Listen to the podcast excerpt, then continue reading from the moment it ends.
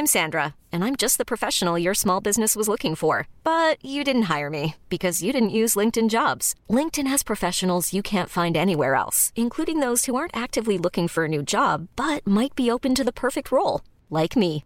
In a given month, over 70% of LinkedIn users don't visit other leading job sites. So if you're not looking on LinkedIn, you'll miss out on great candidates like Sandra. Start hiring professionals like a professional. Post your free job on linkedin.com/achieve today.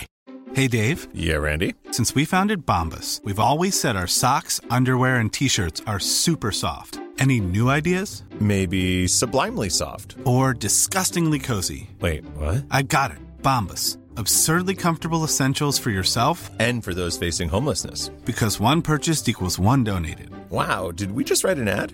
Yes. Bombas. Big comfort for everyone. Go to bombas.com slash ACAST and use code ACAST for 20% off your first purchase. Hey, it's Paige DeSorbo from Giggly Squad. High quality fashion without the price tag. Say hello to Quince. I'm snagging high-end essentials like cozy cashmere sweaters, sleek leather jackets, fine jewelry, and so much more. With Quince being 50 to 80% less than similar brands. And they partner with factories that prioritize safe, ethical, and responsible manufacturing. I love that. Luxury quality within reach. Go to quince.com slash style to get free shipping and 365 day returns on your next order. Quince.com slash style. Hej och välkommen till podden Fint, fult och pengar. Jag heter Isabella Löwengrip. Och jag heter Anna Björklund. Alltså är det så att vi kvinnor halkar efter i AI-utvecklingen? Och är alla framgångsrika människor lögnare? Hur ska H&M överleva i den cirkulära ekonomin? Och är jag verkligen en tradwife? Jag tycker vi kan börja med att säga ett stort grattis till Finland. Ja men det kan vi göra. Det, Mm. det är tydligen, det är tydligen liksom eh, nu, för vi spelar in det här på tisdagen. Ja, och jag Ja. har inte sett att liksom, eh, nyhet än att dokumenten är signerade och allting. Eh, men det står överallt att det ska ske nu på tisdag. Idag. Nu jävlar blir det NATO. Ja, så Nu jag blir det vakna- åka av. Nu blir det åka av. och jag känner mig så glad för, för landets skull. Jag tror att Finland är ett land som man tycker väldigt mycket om. Mm. Det, det, jag håller med. Jag ser, eh, tycker om dem på, det, på ett sätt som man kanske, som jag tänker mig att jag skulle se upp till en eh, kärv och kompetent eh, storebror. Liksom. Mm. Som ganska mycket no nonsense. Kanske inte lika poppis. Nej. Men, men, eh, men väldigt trygg när det, när det, när det kniper. Inga krusiduller. Nej. Och jag läste en artikel i SvD i morse som Torbjörn Nilsson hade skrivit. Och han, Vad han, bra han är ändå. Ja, han är väldigt bra. Mm, lite sur, men bra. Han är lite så. Ja, får man säga. Men, och han hade skrivit då eh, en kommentar kring att eh, 1961 så skulle då Kekkonen som är deras Finlands Mm. president, han skulle träffa John F Kennedy men han kunde ingen engelska. Mm. Så då fick han ta med sig utrikesministern Max Jakobsson på den här Air Force One. Mm. Mm. Och då hade John F Kennedy sagt så här, men eh, du får Max Jakobsson, kom gärna fram till mig så kan vi liksom chitchatta lite i fem minuter. Mm. Och så ställde John F Kennedy en massa frågor då till Max Jakobsson eh, om just då Finland för han var nyfiken. Och sen sista frågan var så här. Men hur kommer det sig egentligen att Sovjetunionen har låtit Finland få behålla sin självständighet? Bra fråga. Ja. Mm. Och då hade Jakobsson sagt att eh, du ställer frågan fel. Ehm, och då försökt förklara men tydligen så hade Kennedy inte tid att eh, lyssna mer. Men och, och, och vi som bor granne med Finland vet ju att Sovjetunionen var inte snälla mot Finland utan här har vi Finland som säger ifrån att ni kan liksom inte nalla av vår självständighet för fem öre. Så det, det tycker jag säger väldigt mycket om Ehm, om, om dels kanske synen från andra länder på Finland, att man har trott att de har lite tur. Mm. Men vi som, vi som kan, vi vet vilka Mm. kämpar. Jag har bara en Kekkonen historia från, för han var inte så pratsam ens eh, på språk han kunde liksom. Eh, nu vet jag inte hur hans svenska var i alla fall, men jag har en äldre släkting som satt bredvid honom på någon middag här i Stockholm. Och eh, då sa han ingenting på hela middagen, eh, förutom när eh, avecken liksom skulle serveras. Och då han, fick han en konjakskupa framför sig och så kom någon och skulle hälla och då sa han bara till randen. Eh. Det är så, jag tycker det är intressant när man verkligen förstärker sin egen bild av sig själv och Mm. sitt land. Att, mm. Tror att man gör det med förlit eller bara är man så?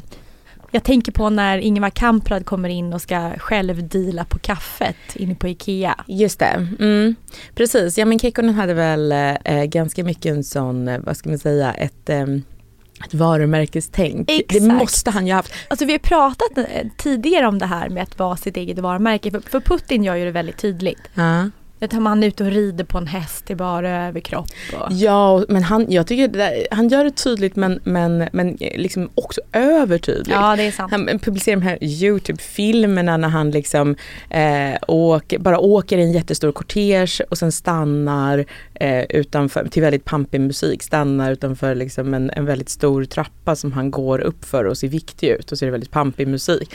Alltså det betyder ingenting, det är bara så här, kolla vad jag är viktig och stor och stark. Ja, en, en till sån person, det måste ju också vara Zlatan. Ja, gud ja. Att han Mm. har den här liksom dryga, Mm. eh, jag är bäst. Och det känns som att den har han spett på i all evighet. Ja precis och um, den skapar ju fortfarande rubriker för att den är så, den har också något så här grund själviskt och ganska så provocerande. Alltså man känner så här, gud det här är ingen snäll människa. Nej, men vad duktig han är. Jag måste finslipa mer på mitt personliga varumärke. Som ska liksom leva kvar när jag har gått bort. Hon gjorde alltid så här. Problemet då är ju bara att man aldrig får utvecklas. Du, en, en annan kort grej bara. Senaste så här, eh, typ timmen har jag läst så här att eh, eh, Australien har börjat bråka en del med TikTok nu också. Börjar med att deras regeringsmedlemmar inte får ha det på sina telefoner. Ehm, och så är det ju i många länder faktiskt. Ehm, och det, det får inte kineserna heller ha TikTok på sina telefoner. Så det är inte eh, så konstigt. Men det håller på liksom, att- de håller på att ehm, trappar upp den konflikten. Eh, Italien har förbjudit ChatGPT. Såg du det? Mhm. Bara förbjudit så här. Nej, jag har inte läst det. Nej, eh, Paris hade snabbt en liten folkomröstning eh, och bestämde sig för att nej, elsparkcyklar, nej det Alltså, ska vi inte ha. och deras eh, folkomröstningar. Jag är så trött Jag- på dem. För det presidenter kan ju ändå bara köra över. Så det är bara ett spel för Jag tror det var galleriet. 7 procents valdeltagande, men det är perfekt. Alla är emot. Min typ av demokrati. Um, nej men, och jag känner, för varje sån här grej man läser, liksom, att så här, jaha, får man göra så? Känner jag så här, det här skulle direkt liksom klassas som eh, eh superfascism i Sverige. Jag tänkte att Ulf Kristersson skulle säga så här, när du Elon Musk, hit men inte längre och, och förbjuda någon, eh, en, en, en bot. Det, det skulle ju aldrig hända. Eller hur? Nej. Utan den här svenska dörrmatteinställningen liksom till varje ny innovation och sådär. Jag undrar, eller är det alla andra länder som är liksom eh, som, som är lite väl, där poli- politikerna är lite väl sugna på att visa sig handlingskraftiga och stoppa saker. Jag vet inte. Men jag träffade, jag var på en stor lunch med ICC som är International Chamber of Commerce. Och då så var en gammal muffvän till mig där och hon sitter, Arba, och hon sitter då i EU-parlamentet idag. Mm. Och jag minns inte exakt hur det var, eh, vi ska äta lunch och får lyssna mer exakt då. Men det var någonting med att i EU-parlamentet så diskuterades kring hur influenserna och influencer marketing ska få gå till och kan man Mm. begränsa det här, kan man få I dem sluta? parlamentet. Ja, och då var det hela vänsterblocket som, som började rösta för att det måste ske en begränsning för oss Aha. influencers och hur vi tjänar pengar. Intressant. Mm. Ja, och att, och att, att, eh, att det skulle bli en, en fråga som man tar upp på så här, riksdagens golv i Sverige. Så här, är, det, är det för mycket liksom, matkasseannonser i sociala medier? Det, det känns bara som att det är så otroligt långt bort. Mm. Men det, just det kanske är bra. att det är långt bort alltså. Ja.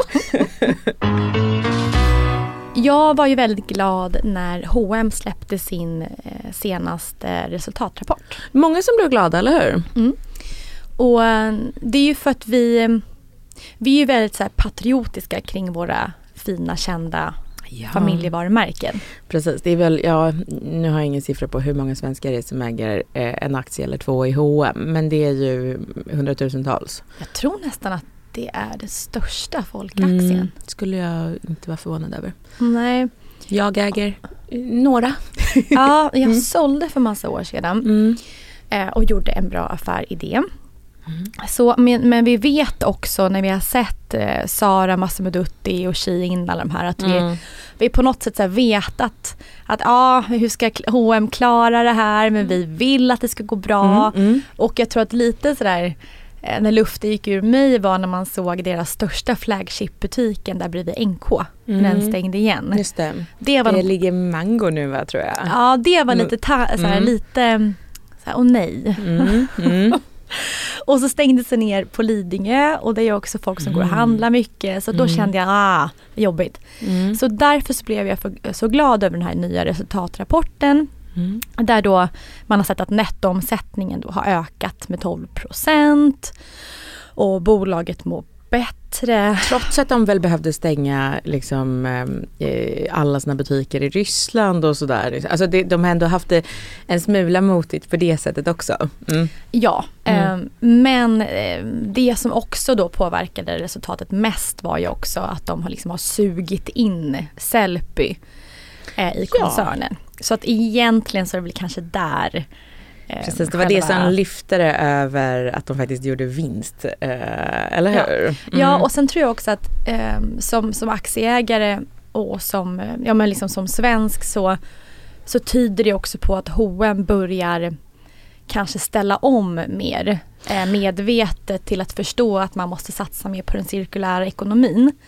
Mm. Och eh, förut så tror jag att man har H&M har försökt att prata om bra tyger och bra liksom, förhållnings eh, situation för de som producerar. Ehm, men när man läser om miljöförstöring och, eh, och konsumtion så Exakt. är det så att det är inte att välja rätt tyg som gör skillnad för miljön utan det är att, att använda tyg väldigt länge. Precis, det är lite dubbelt. För å ena sidan då så har ju H&M kanske lyckats mycket bättre än Mango, Zara, Shein eh, som eh, inte alls har den, lyckats skaffa den profilen av eh, eh, att i alla fall ha hållbarhetsambitioner eller vad man ska säga. Men och nu då också att de har Sellpy som ju ändå är liksom just eh, cirkulär konsumtion och som jag jag upptäckte det för inte så länge sedan och det är ju en toppentjänst. Liksom. Precis, det lyfter aktien just nu men frågan är hur det funkar på lite sikt. Det är det du fiskar efter, eller hur? Precis, och Ja. Sellpy går fortfarande inte med vinst. Nej. Ehm, och, och den, ehm, jag kan inte hur deras, jag vet inte vad, hur deras liksom, marginalsiffror ser ut men att ta in plagg som går för 150 spänn. Mm, de här det- skorna jag har på mig nu köpte jag för 80 spänn på det, Sellpy. fanta- det är fantastiskt. Ja. Men då måste ju också en, en människa fysiskt ta upp produkten i påsen, Mm. ta en bild på den, Ja, ladda jag upp. förstår inte alls hur det här funkar. Nej, ehm, så jag tror inte just den situationen eller den biten av själva ledet i bolaget eh, Nej. gynnar företaget. Men å andra sidan, någon gång så kommer den här volymen av produkter Mm. göra att bolaget till slut tjänar pengar. Ja, precis. Jag, jag funderade lite på det här för att just eh, i och med att eh, jag har ju eh, försökt eh, i olika omgångar på olika sätt. Jag brukar ha en, alltså sen jag skaffade familj, för då invaderas ju ens hem av saker eh, på olika sätt. Eh, dels för att man behöver eh, skaffa saker men också man får saker. Det dundrar in liksom, man behöver plötsligt helt andra förvaringsgrejer. Alltså det, det blir ganska tungt. Man måste, det går väldigt mycket tid åt att liksom sortera i det här. Det finns en statistik på liksom att eh, en svensk treåring har i snitt 500 leksaker. Oj, det har inte Och den är dessutom några år gammal. Nej, jo, precis man tänker det. Så jag har liksom försökt med olika system. Jag har liksom alltid haft en, en papperskasse vid dörren där som är på väg till myrorna. Liksom, som Mm. jag så fyller så, Jättebra. successivt. Eh, Och just eh, börjat köpa mycket mer second hand och börjat liksom och sälja av och liksom att det där pågår hela tiden. Och det jag märkt av att liksom vara mer liksom en, en spelare i den här cirkulära ekonomin eller vad man ska säga. Där, det är att jag, nu har jag ju ett mål hela tiden av att hålla antalet saker nere. För att jag har börjat se saker som inte så här och vad fin den här ska jag ha för evigt. Det här är liksom en klenod som jag ska ställa i finskåpet och den ska jag gå och damma av och den är liksom identitetsbyggande för mig. Utan jag ser det som Eh, alltså om det kommer in en ny grej så bara okej okay, det här är ett nödvändigt ont. Nu behöver barnen nya gummistövlar eller vad fan det nu är liksom. Eh, men den här saken kommer vara här så länge den behöver och inte en sekund längre. Nej. Alltså att det, sen ska det väck för ja. att annars försvinner hela min ordning och hela liksom strukturen. Och det, det, är bara ett helt annat sätt att se på saker som jag tror att så här, eh, tidigare generationer, de generationer som, som liksom placerat H&M där de är idag. De tycker ju att konsumtion, det är roligt. Det är inte ett hot med grejer. Det är kul med grejer. Det är lite lyxigt. Det är lyxigt, man vill ha så ja. mycket som möjligt. Ja. Man vill liksom ja, så eh, var det ju efter alltså efterkrigstider. Precis, mm. ja exakt. Och ja, men, träffar man en, en, liksom en svensk 40-talist så har ju de väldigt mycket saker. Ja. Och det, och det är liksom inget konstigt med det. Eller det är liksom, Hela ju mer desto bättre. är fullt. Ja, precis. Ja. Ju mer desto bättre. Och det är liksom tecken på ett rikt liv. Medan jag tänker bara så här, ju mindre desto skönare, desto bättre för jorden, mig, min ekonomi, allting. Liksom. Så att jag, ja, eh, och där, det problemet har ju inte H&M en lösning på hittills. Nej, um, för det, det, är så, det är så knepigt för att framgångsfaktorn för Shein till exempel eh, och även om man tittar på Sara men, men, men framförallt för Shein det är ju att framgången mycket är ju eh, volymen av alternativ. Mm. Att det finns så mycket, så tusentals varor och det är nya tusentals varor som kommer ut på sajten hela tiden. Så att det här att, att sitta och scrolla och välja och mm. fundera. Det är ju någonting som blir liksom som en hobby nästan. Och så är det på mm. Sellpy också. Det är ju kul att titta igenom allting ja. för att leta efter ett fynd. Och ska H&M ha samma möjlighet att ha just den eh, volymen av alternativ så måste de producera mer kläder. Ja, just det. För de har ju inte samma, eh, samma tillvägagångssätt som Shein har att de lägger ut databilder. Nej just det, de här bara helt eh, AI-genererade. Ja liksom. precis, alla kläder som finns på eh, Sheins hemsida eh, existerar inte. Nej, precis. Så när man trycker på knappen då tillverkas plagget och men då tar det längre tid. Och det, men de som man ser på H&M's hemsida det är ju riktiga modeller. De, är ofta, de har ofta ganska fina foton, eller hur? Ja. Så det är ju lite högre kvalitet, kanske högre, ja, oh ja. Ett, ett högre segment. Så.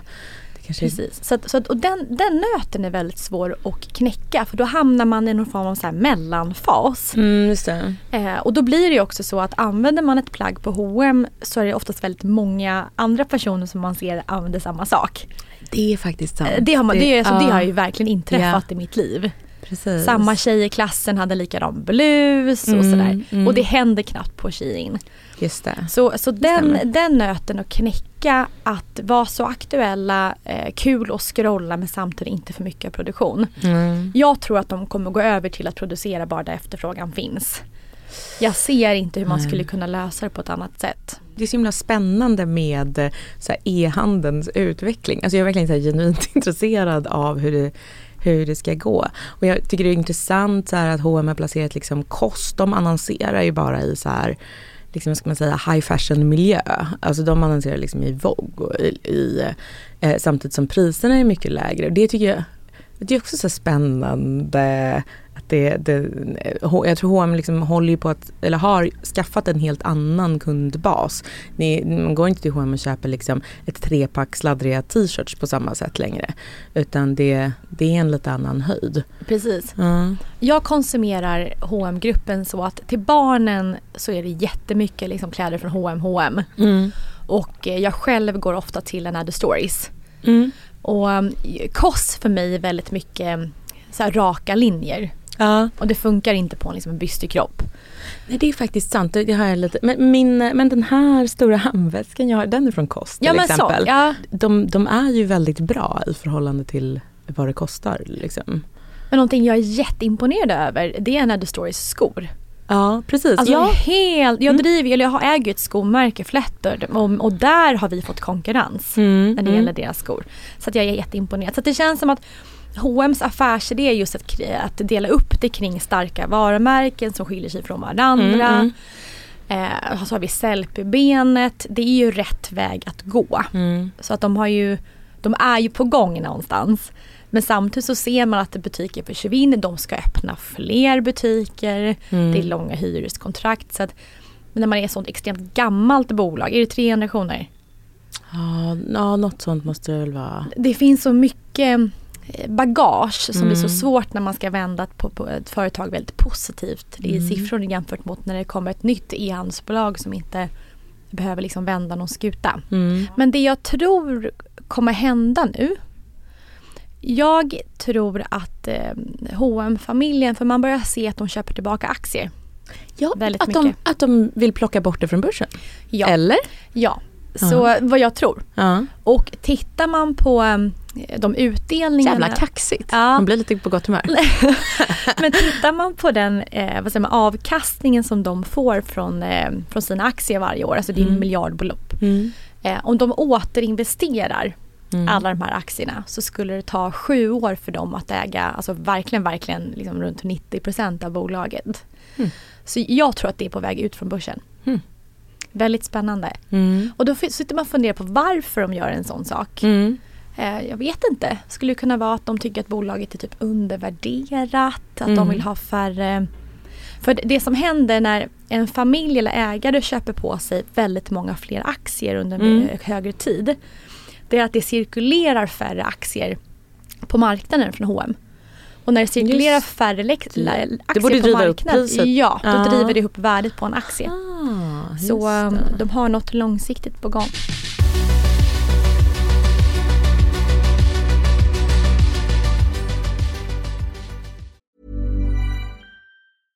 Hiring for your small business? If you're not looking for professionals on LinkedIn, you're looking in the wrong place. That's like looking for your car keys in a fish tank. LinkedIn helps you hire professionals you can't find anywhere else, even those who aren't actively searching for a new job but might be open to the perfect role. In a given month, over 70% of LinkedIn users don't even visit other leading job sites. So start looking in the right place. With LinkedIn, you can hire professionals like a professional. Post your free job on linkedin.com slash achieve today. Wow. Nice. Yeah. What you're hearing are the sounds of people everywhere putting on Bombas socks, underwear, and t-shirts made from absurdly soft materials that feel like plush clouds. Yeah, that plush. And the best part? For every item you purchase, Bombas donates another to someone facing homelessness. Bombas. Big comfort for everyone. Go to bombas.com slash ACAST and use code ACAST for 20% off your first purchase. That's bombas.com slash ACAST. Code ACAST. Even when we're on a budget, we still deserve nice things. Quince is a place to scoop up stunning high-end goods for 50 to 80% less than similar brands. They have buttery soft cashmere sweaters starting at $50, luxurious Italian leather bags, and so much more. Plus, Quince only works with factories that use safe, ethical, and responsible manufacturing. Get the high-end goods you'll love without the high price tag with Quince. Go to quince.com slash style for free shipping and 365-day returns.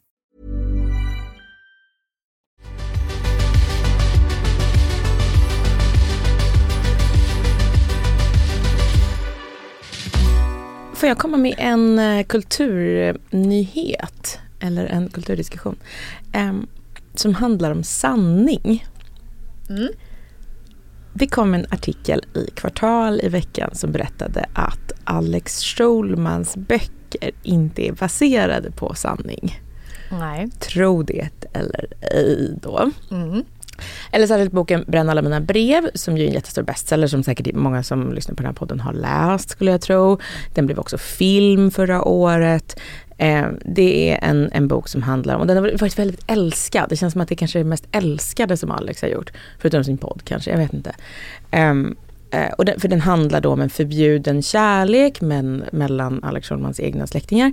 Där en annan släkting försöker hindra den och han är väldigt ond då. Eller som Alex Schulman har kallat honom i intervjuer, han har kallat honom för uronskan. Det är väldigt roligt. Alltså hindra från att släppa en bok eller? Nej, hindra, hindra den, den här kärleken. Ja. Och alla de här eh, människorna i boken är ju nu döda. Eh, så att Alex är den som är den, den som berättar den här historien eh, om de här människorna som inte kan säga emot så mycket. Då. Han verkar så mycket spännande släkt där bakom. Det har han ju, precis. De är också kända. Ja, det är så Döda många. och kända. Ja, Mm. exakt. Sån där spännande familj bak har inte jag. Nej. Förutom att jag, jag, jag är tydligen släkt med Ulf Kristersson. Jaha, Ja. ja, okej. Ja, så där. Långt bak. Förlåt, fortsätt. Men, och då är ju frågan så här, eh, i kvartal så var det en liten sån här mm, förmanande liksom ton som var så här, är det här förtal av döda?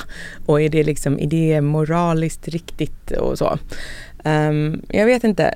Um, å ena sidan, reaktionerna verkar vara liksom att å ena sidan så är det många som tycker att det är lite kanske fjantigt att diskutera huruvida vad som står då i en roman är sant eller inte. Det är en roman.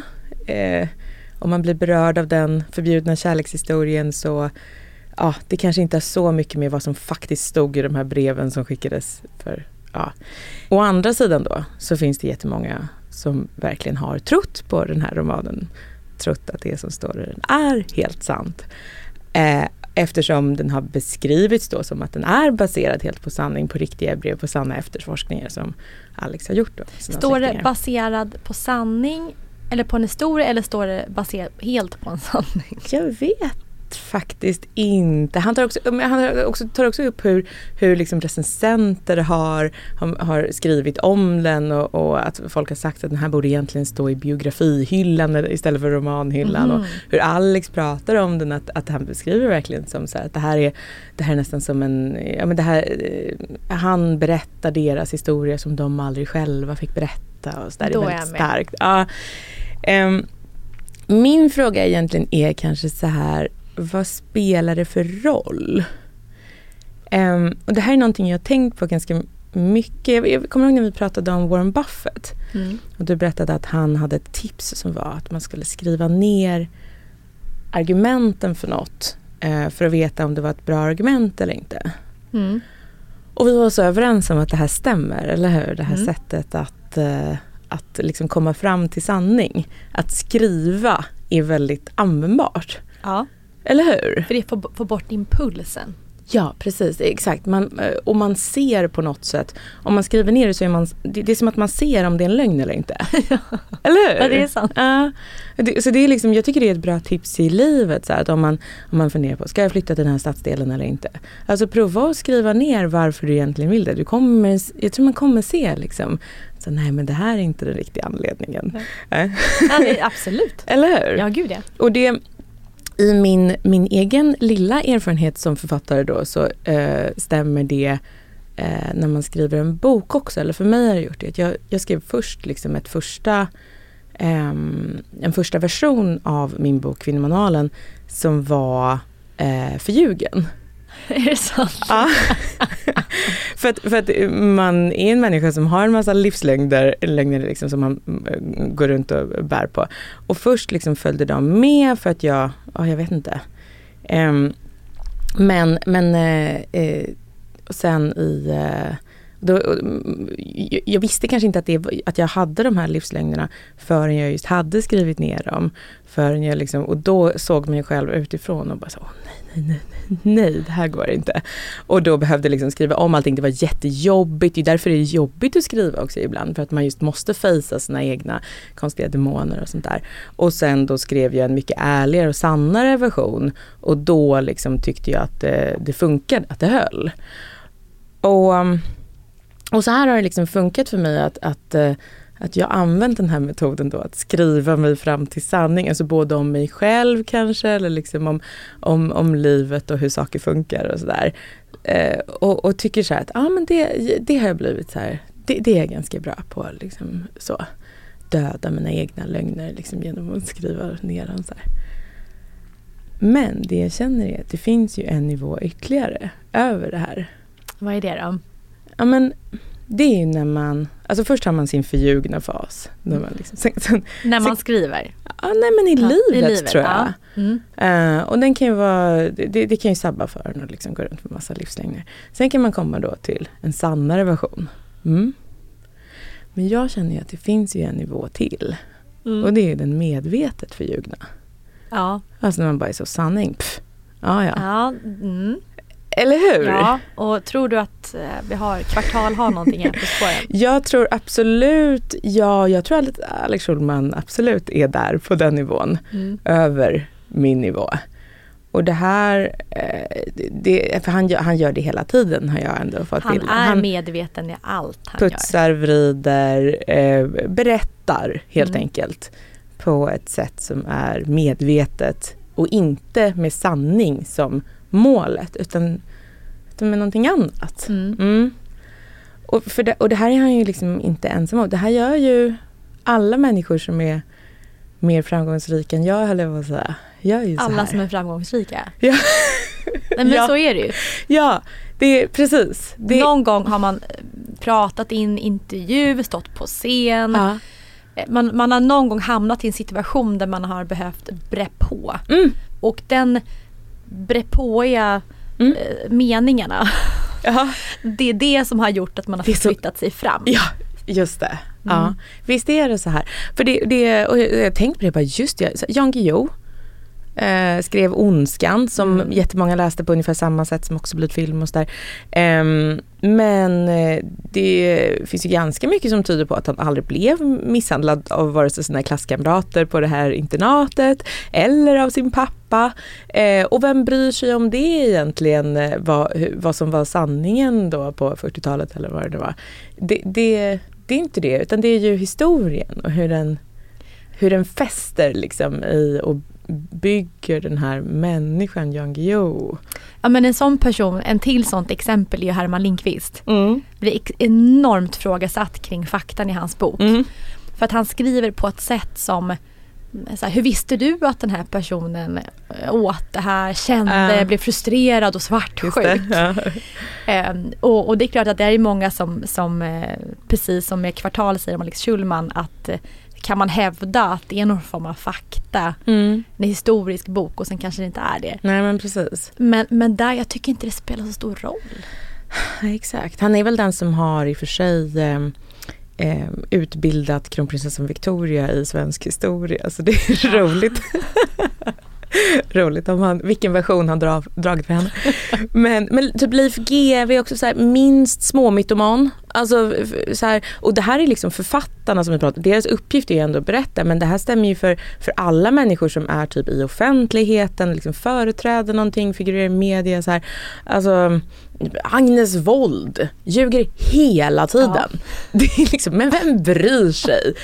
Det, eh, Nina Rung, hon är inte expert. Liksom. Det, det är bara en inramning. Alltså, eh, Linnea Claesson, hon har blivit avslöjad med att liksom fejka sina sexuella trakasserier eh, tusen gånger. Men det spelar ingen roll, hon kan försörja sig på att föreläsa för lärare i Sverige. Liksom, jättebra. Och det, det finns jättemånga såna här. Ja och exempel med, med Linnea Claesson, det är just att det lilla, eller Mm. stora på vem man frågar, som hon överdrev om, som Ja. inte var sant. Alltså Mm. det, det lilla, det var det, det som tog Ja. henne framåt. Ja, Så att man får tacka den här lilla medvetna lögnen ibland, exakt. att man kom fram.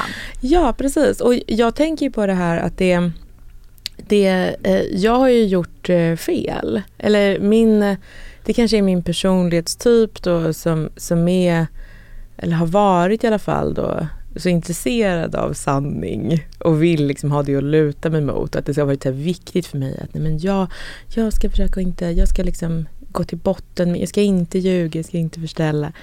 Jag har gjort fel. Jag, det jag borde gjort jag har ju också gått på internat till exempel. Som jag hoppat av för att jag inte trivdes. Jag eh, också på ett sånt eh, prestigefyllt, jag gick på det där kungen har gått. Och eh, jag borde inte sagt som det var, så att jag slutade för att jag typ var deppig deppig, att jag liksom... De var in- elaka mot dig. Ja, Du fick fly. Jag borde ha gått igenom skolkatalogen, jag fick fly därifrån, jag borde hittat alla namn, liksom de, de med kändast föräldrar och finast efternamn och så borde jag liksom berättat vilka svin de var, att de förstörde mitt liv, att de fimpade på min bröstkorg liksom. Att de och, eh, för att jag inte var adlig eller för att jag inte eh, var, jag vet inte. Och då ville du vända hela den gamla penga överklassen Ja, ryggen. precis. Och ville bara sy dina egna kläder. Exakt. Det räcker nu. Precis, jag startade en revolution. Liksom mot alla odds så tog jag mig ur den här fällan. så borde jag ju gjort. Och så borde jag hängt ut allihopa med namn och jag borde, ja. Ehm, Då kanske du hade varit lite då mer hade jag varit, då hade jag varit Jan Guillou nu. Jag hade varit Jan Guillou. Ska jag berätta om en lögn som jag drog om mig själv för Alex Schulman när jag var med i hans podd? Ja. Och den här lögnen som jag drar, som då är en medveten lögn för att på något sätt förstärka mig själv, Mm. blir katastrofalt för mig sen i framtiden. Berätta. Nej men mycket av det jag gjort i mina sociala medier har varit lite så här, typ man har höftat sig fram. Mm.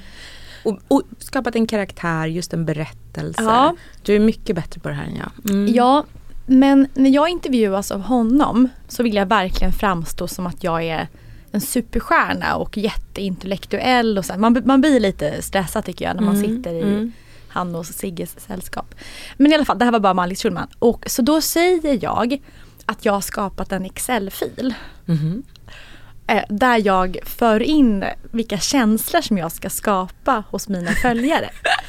Så här, på måndagen så ska jag vara lite arg och sen kommer ett samarbete så ska jag säga något snällt. Att jag liksom har en superplan på mina sociala medier. Ja, ja. Som en så här Hollywood-manusförfattare. Ja. Som har, ja, ja. Och jag säger det för att jag vill låta liksom väldigt begåvad. Att så här, hmm, Isabella hon kan det här. Det är liksom puppet show. Ehm, men det här har jag fått leva med i flera års tid, den här längden. sant, jag har inte hört det. Nej, och det är för att folk uppfattar det som att jag inte gjorde någonting genuint efteråt. Nej, just det. Att så fort jag skrev något positivt om mina barn, till exempel att vi har varit på biblioteket. Mm. Jaha, nu vill hon framställa sig Ja. som... Nu ska hon vara folklig Ja. och det ska vara bra för miljön och Just hon är en närvarande mamma. Ja, ja. Så eh, ja, verkligen en medveten lögn som eh, blev helt fel.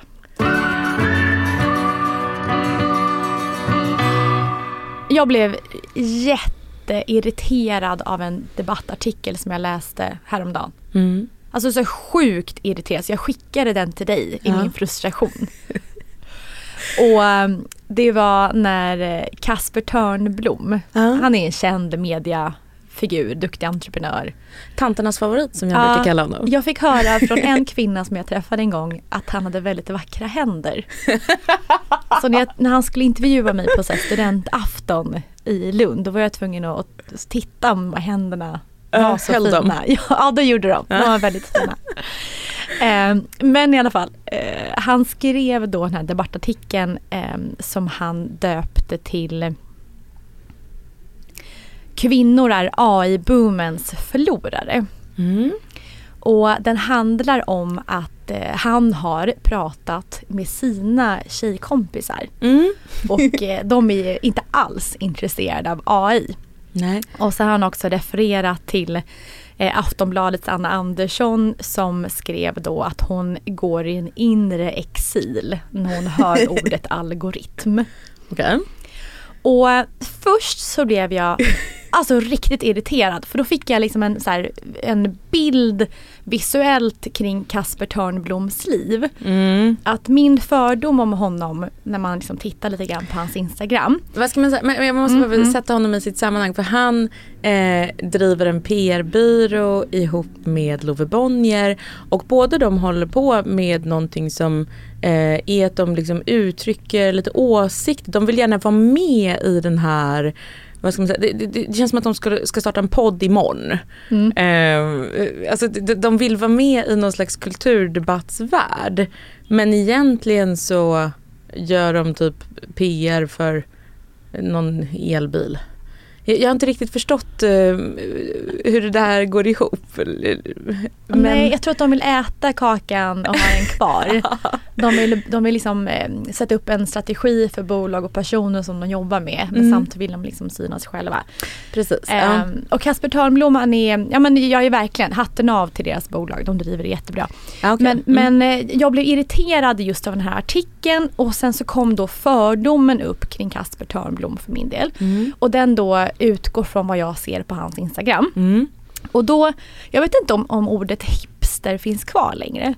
Det, det känns som att alla saknar liksom ett, ett eh, begrepp eh, för vad det betydde förr, eller Ja. hur? Men Mm. så som jag tänker, tänk att det är typ ett gäng som åker till Berlin. Ja. Och sen står de där i lite så kläder som inte hänger ihop. Ja. Men de ska, det ska se lite coolt ut. Men min Mm. eh, Max Mara-hjärna fattar inte det. och sen, sen står de och dricker en öl och de har konstiga ringar på fingrarna. Och, så här. Ehm, och, Max Mara gärna. ja, och då tänker jag så här. Ja. Att den här crowden kvinnor som han pratar med. Mm.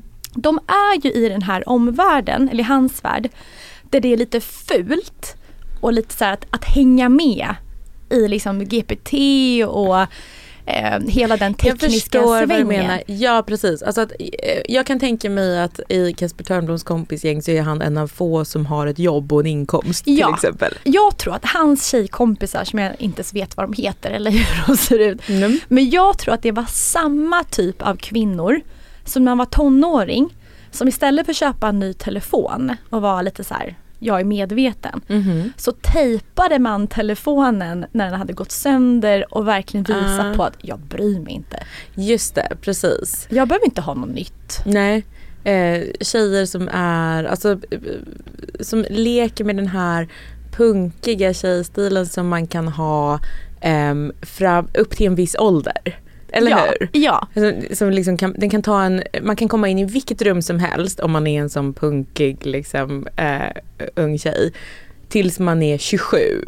Och då kommer man inte in någonstans längre för då förväntas det att man ska ha någonting riktigt att säga eller så. Eller Ja. kunna någonting eller ha någonting att bidra med. exakt. Och där dundrar han runt och är den enda som kan någonting. Ja, och då, då är, precis. Och då får ju han en uppfattning att de här de här liksom Berlin-tjejerna, Ja. eh, att, att de inte kan AI och då ser han, men gud inga kvinnor kommer, kommer fatta det här med AI, hur gör vi nu?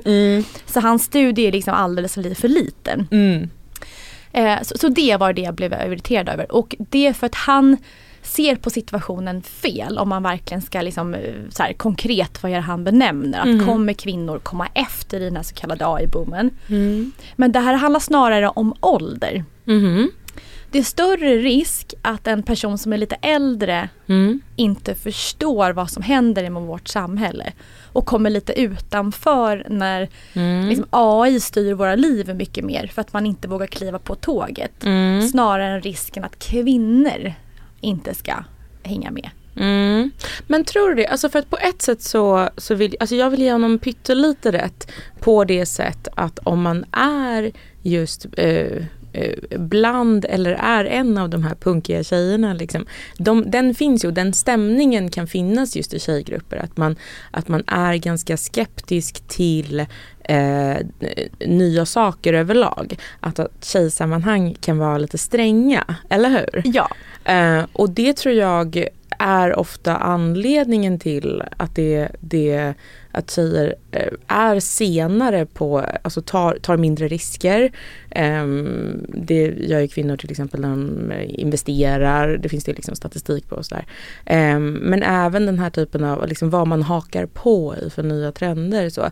Ehm, jag vill ge honom lite rätt att det, det funkar lite så ändå. men det är fortfarande en liten klick. Kvin- det är en Stockholmsklick. mm, Den typen av kvinna. Så, exakt. så men det är väl ändå, jag, jag förstår vad han menar men min tro är att den gemensamma liksom basen kvinnor är mycket mer snabba på bollen än vad det är. För, för tittar man bara när webb 1 gick till webb 2 Mm. vilket innebär att vi för första gången skapade oss en profil på nätet. Mm. Just det, där var ju kvinnor tidiga. Kvinnor var tidigare. Just det, för att kvinn, det här, ja, och allt det här, jag tror att allt det här handlar om Eh, alltså det, det finns ju inte så jättemånga liksom, stora biologiska skö- könsskillnader. Liksom, men en skillnad mellan könen är ju att kvinnor är mycket bättre på att kommunicera. Eh, och det har ju gynnat oss i sociala medier till exempel. Alltså det finns inte så många stora manliga influencers som vi alla ställer liksom klockan efter. Men eh, för att kvinnor är mycket bättre på det. Och jag tror att just hur en dynamik i en tjejgrupp eller liksom i tjejvärlden kan fungera. Det hänger ju också ihop med att vi är så bra på att kommunicera. Så att vi bryr oss om eh, just såna här små stämningar i eh, eller hur? Ja, det är sant. Ja, eh, och förstår dem på ett sätt som som män inte gör. De tar inte in om AI liksom är coolt eller inte. Absolut, och sen som du säger det här, det finns inte så mycket biologiska skillnader men en av de stora är också att kvinnor inte är, vi tar inte lika mycket risk som männen. Nej, precis. Och, och det ligger ju biologiskt i oss Mm. så det är inget konstigt. Men om jag får ta den här liksom mer, eh, att vi är lite mer riskaverta. Ja. Om jag får byta spår lite grann. Eh, så om vi tittar på just på hur kvinnor handlar på börsen just nu. Mhm. Byter lite ämne. Mm. Eh, där har vi sett att de sista åren nu när det har varit så himla svängigt på börsen. Mm. Eh, så har kvinnor då har fått mycket högre avkastning än vad män har fått i sitt sparande. Mhm, för att de har tagit lägre risk då? Ja, för det Mm. man ser då att kvinnor fondsparar ju mycket mer än vad män gör. Mm. Mm. Och eh, i en fond så har du oftast eh, minst typ 16 bolag. Mm. Medan en man som sparar i aktier kanske inte har 16 bolag i sin portfölj. Utan man har Just kanske har det. lite färre. Så då blir det så att avkastningen blir ofta större då från den här fonden i en skakig tid. Än vad de här Mm. techaktierna ger den här mannen. Ehm, och så vet vi också, eh, Avanza sa att eh, kvinnor gör i genomsnitt 10 transaktioner i månaden medan en man gör 15. Alltså en Okej. idiot. Ja. Man ska alltså tänk Warren Buffett, man ska bara sitta still i båten. så jag tror att den här, eh, att man är lite mer, eh, eller snarare mindre riskbenägen har ju, har ju lett till liksom en bättre avkastning. Just på sistone, precis. Ja, Mm. och då kanske det finns en koppling till AI att som kvinna så går man inte in och bara tokkör i någonting, en investering i AI så blir det fel utan vi kanske Mm. liksom lurpassar lite grann i vassen och tänker att hmm, när ska jag göra någonting klokt av det här?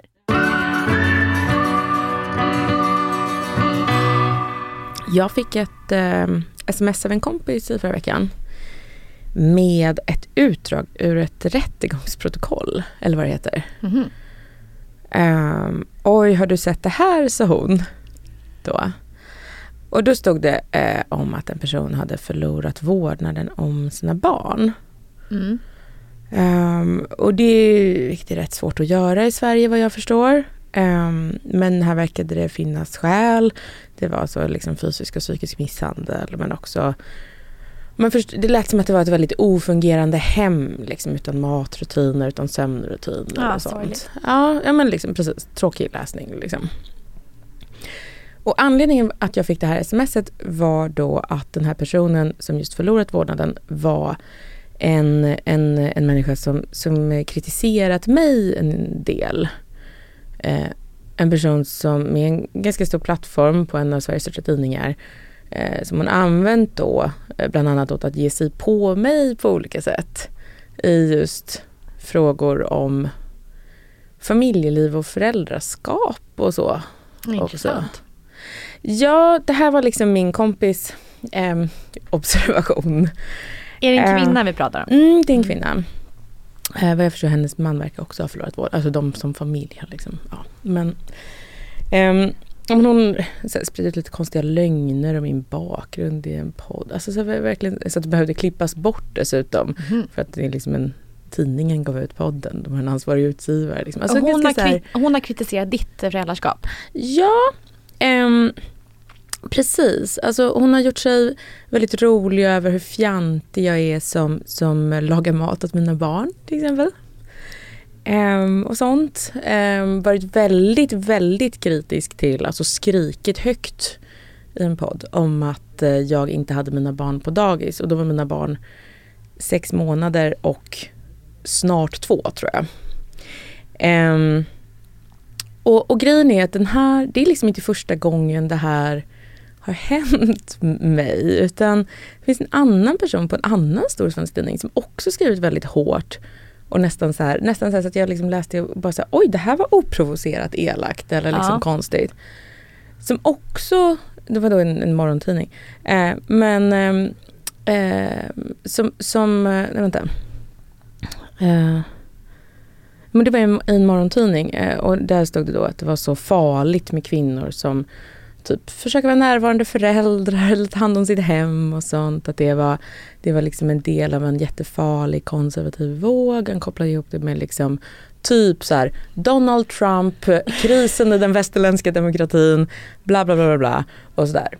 Och den här människan som skrev den artikeln hade också ny, ganska nyss förlorat vården om sitt barn på grund av sina missbruksproblem. Men gud. Ja, det konstiga är liksom att det, det är inte ens bara de två. Utan det här eh, det finns liksom fler exempel och det här, säger, det här säger väl flera saker. Dels så säger det ju att typ kulturvärlden eller tidningsvärlden åsiktsvärlden typ. Alltså där är det ganska många som inte klarar av sina liv. Mm. Det kan man ju, det, det är väl kanske det största. Nej precis. Det är ganska mycket suputar och dårar liksom. Så är det ju bara. Som inte kan sköta ett hem. Eller kanske narcissister kanske är mer fuck-ups liksom mm. så. Ibland skärmiga, ibland inte så skärmiga. Så. Um, men det andra är kanske att hur de här människorna och deras uh, åsikter om familj och föräldraskap och så uh, har påverkat bilden av vad som är normalt. För det tror jag ändå den har gjort mm. faktiskt. Uh, för jag har ju kallats liksom tradwife i tidningar och så. Vad är det för någonting? I flera år. Ja men och det är då, um, alltså jag var inne i i Studio 1 ganska nyligen och, och, skulle förklara vad en tradwife var. Du som tradwife, så här, är, och då är det då att man är liksom Alltså en traditionell fru. Aha, tradwife. alltså som någon slags... Det är mitt goal. Som, ja, för du, du äh, gifte dig ännu tidigare än jag, men folk tycker då att jag, och skaffade barn tidigare också. Men folk tycker då att jag gift mig skaffat barn ung liksom, och att jag, ja men, äh, ja just försöker göra sånt som att då typ laga lite mat åt dem, baka en bulle då och då. Jag vet inte, men det här målas upp nästan som någon slags ähm, men det, det är som ett, ett meme, eller vad ska man säga? Är det, det är bara du vet hur det funkar på... sjuka. Bara avundsjuka. men, men, men du vet hur internet funkar, liksom att, att allting känns som att allting är uppdelat som i porrkategorier. Typ. Ja. Att det är så här, jag vill ha en man som, och så har man liksom en förkortning för det. Alltså det är som en subkultur. Mm. Eller liksom som en, ja, att min klädstil är så här balletcore. Eh, man bara, det finns, alltså man hittar på ett ord för allting. Liksom. Och på så sätt är också tradwife då en, en personlighetstyp som man hittat på. Så. Men kommer inte den här de som kritiserar dig för det här, kommer inte de från ett, ett, liksom ett vänstersida? Jo precis och då från de, äh, den här äh, gruppen av fuck-ups som ja. är de som skriver i tidningar ofta. En inte alla men en, en del. kulturell vänster. Kultur, precis, ja. Och, då, och en del liberaler också. Ja, ja, men, ja.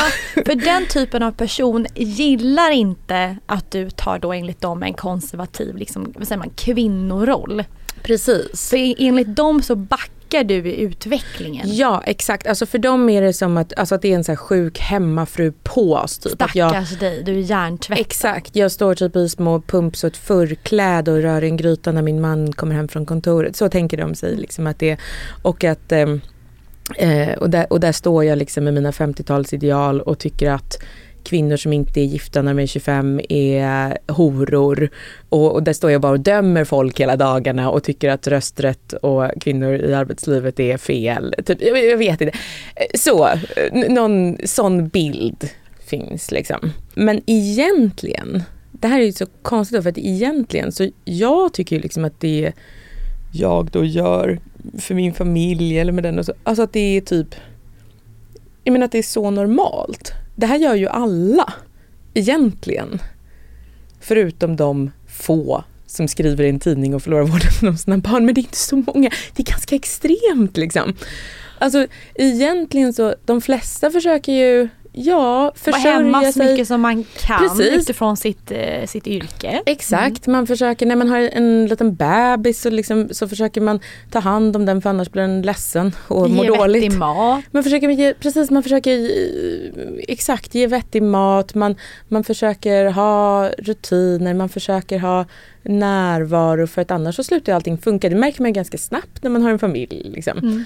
Och så kämpar man på med och så försöker man samtidigt försörja sig och så försöker man, ja och så och så liksom hankar man sig fram på det sättet. Det här gör ju exakt alla människor. Ja, och jag märker att ju mer jag försöker närma mig din livsstil, för jag är i en sån process, Mhm. desto, desto lyckligare blir jag. Är det sant? Ja, Men okej, och vad är skillnaderna för dig då, tycker du?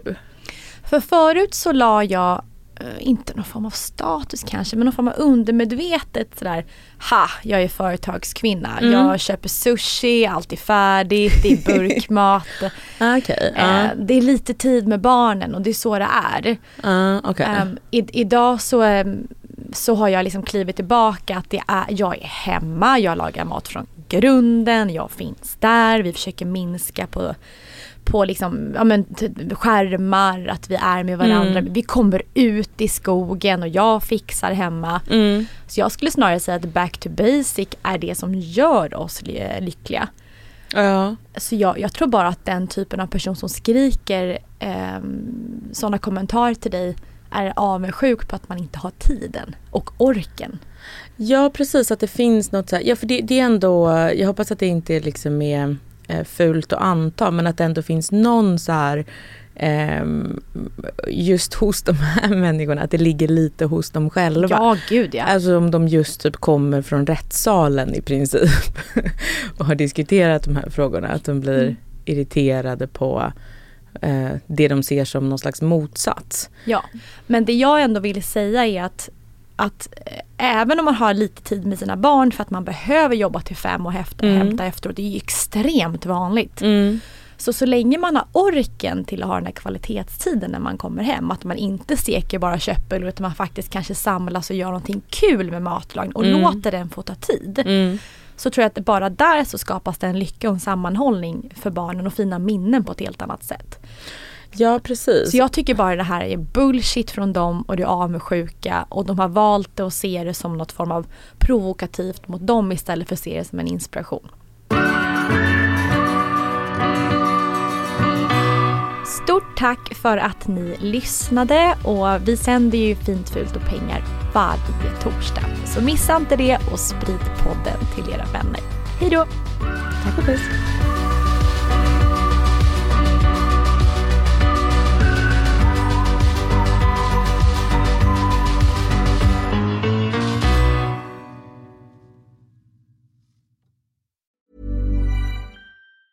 Planning for your next trip?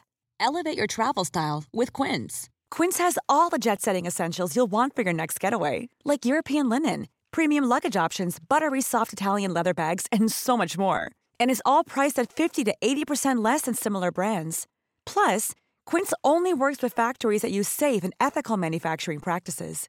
Pack your bags with high-quality essentials you'll be wearing for vacations to come with Quince. Go to quince.com slash pack for free shipping and 365-day returns.